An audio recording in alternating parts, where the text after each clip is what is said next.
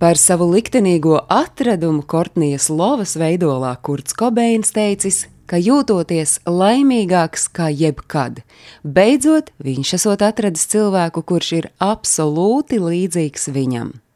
Kortnija Lova un Kurts Kobeins viens otru pirmo reizi ieraudzīja naktslokālā, kur jaunības gados Kortnija Lova bieži uzturējās.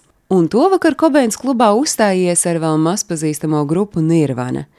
Lietoto apģērba veikalā pirktās drēbēs tērptais izpūrušais dziedātājs piesaistīs Kortnijas uzmanību, un viņa centās viņu uzrunāt, sakot, ka viņš līdzinās kādas citas grupas vokālistam, bet izrādās, ka šis vokālists kurtam nekad nav paticis.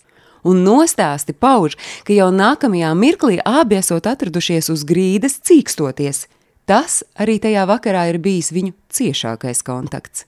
Kurts nebija ieinteresēts kādu normālu attiecību veidošanā, tā kā viņš joprojām arī nebija guvis skaidrību par savu seksuālo orientāciju, un vienlaikus bija arī pārāk iegrimis pats savos dvēseles stāvokļos. Taču, kā stāstījuši viņa draugi, vēlāk izrādījies, ka Kurtu nav atstājusi vienaldzīgu šī skaļā meitene. Kurts sekojas līdzi viņas aktivitātēm un viņas grupas panākumiem, Turklāt, pēcāk esot ļoti pārdzīvojis, ka tajā vakarā izturējies gluži kā idiots un zaudējis tādu meiteni. Arī Kortnija pēc šī gadījuma bijusi kā apmāta ar kurtu un sekojusi līdzi viņa karjerai, līdz nākamajai tikšanās reizei, 1990. gadā, kad liktenim lapa tika atkal abus savest kopā. Abi mūziķi ar savām grupām, Kortnija ar Holu, bet Kurts Nirvana sastāvā uzstājās kādā Portlandas naktsklubā. Kurts arī šoreiz izturējies savdabīgi attiecībā pret Kortnijas nepārprotamajiem simpātijas apliecinājumiem, un jau atkal nekas tālāk nav sekojis līdz 1991. gadam, kad Losandželosā divu citu grupu koncertā abi atkal satikās.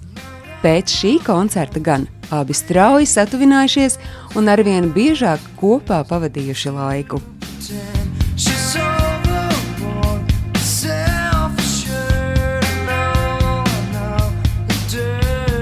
Kurta grupas otrais albums Nevermind bija paguvis pacelt viņu slavas virsotnē.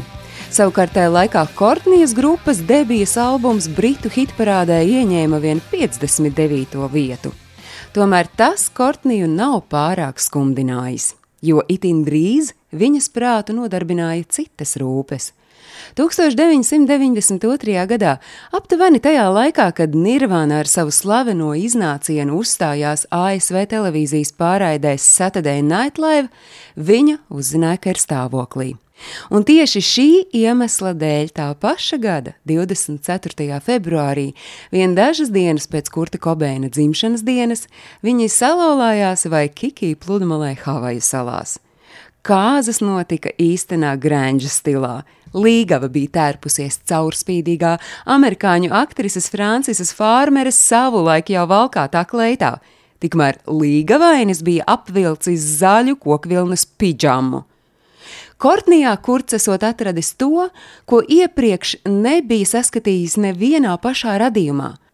Un savu mīļoto viņš uzlūkoja tieši kā radījumu, jo uzskatīja, ka ir pilnībā nesvarīgi, kas tas ir - sieviete, vīrietis, mežonīgs zvēriņš vai citas planētas iemītnieks.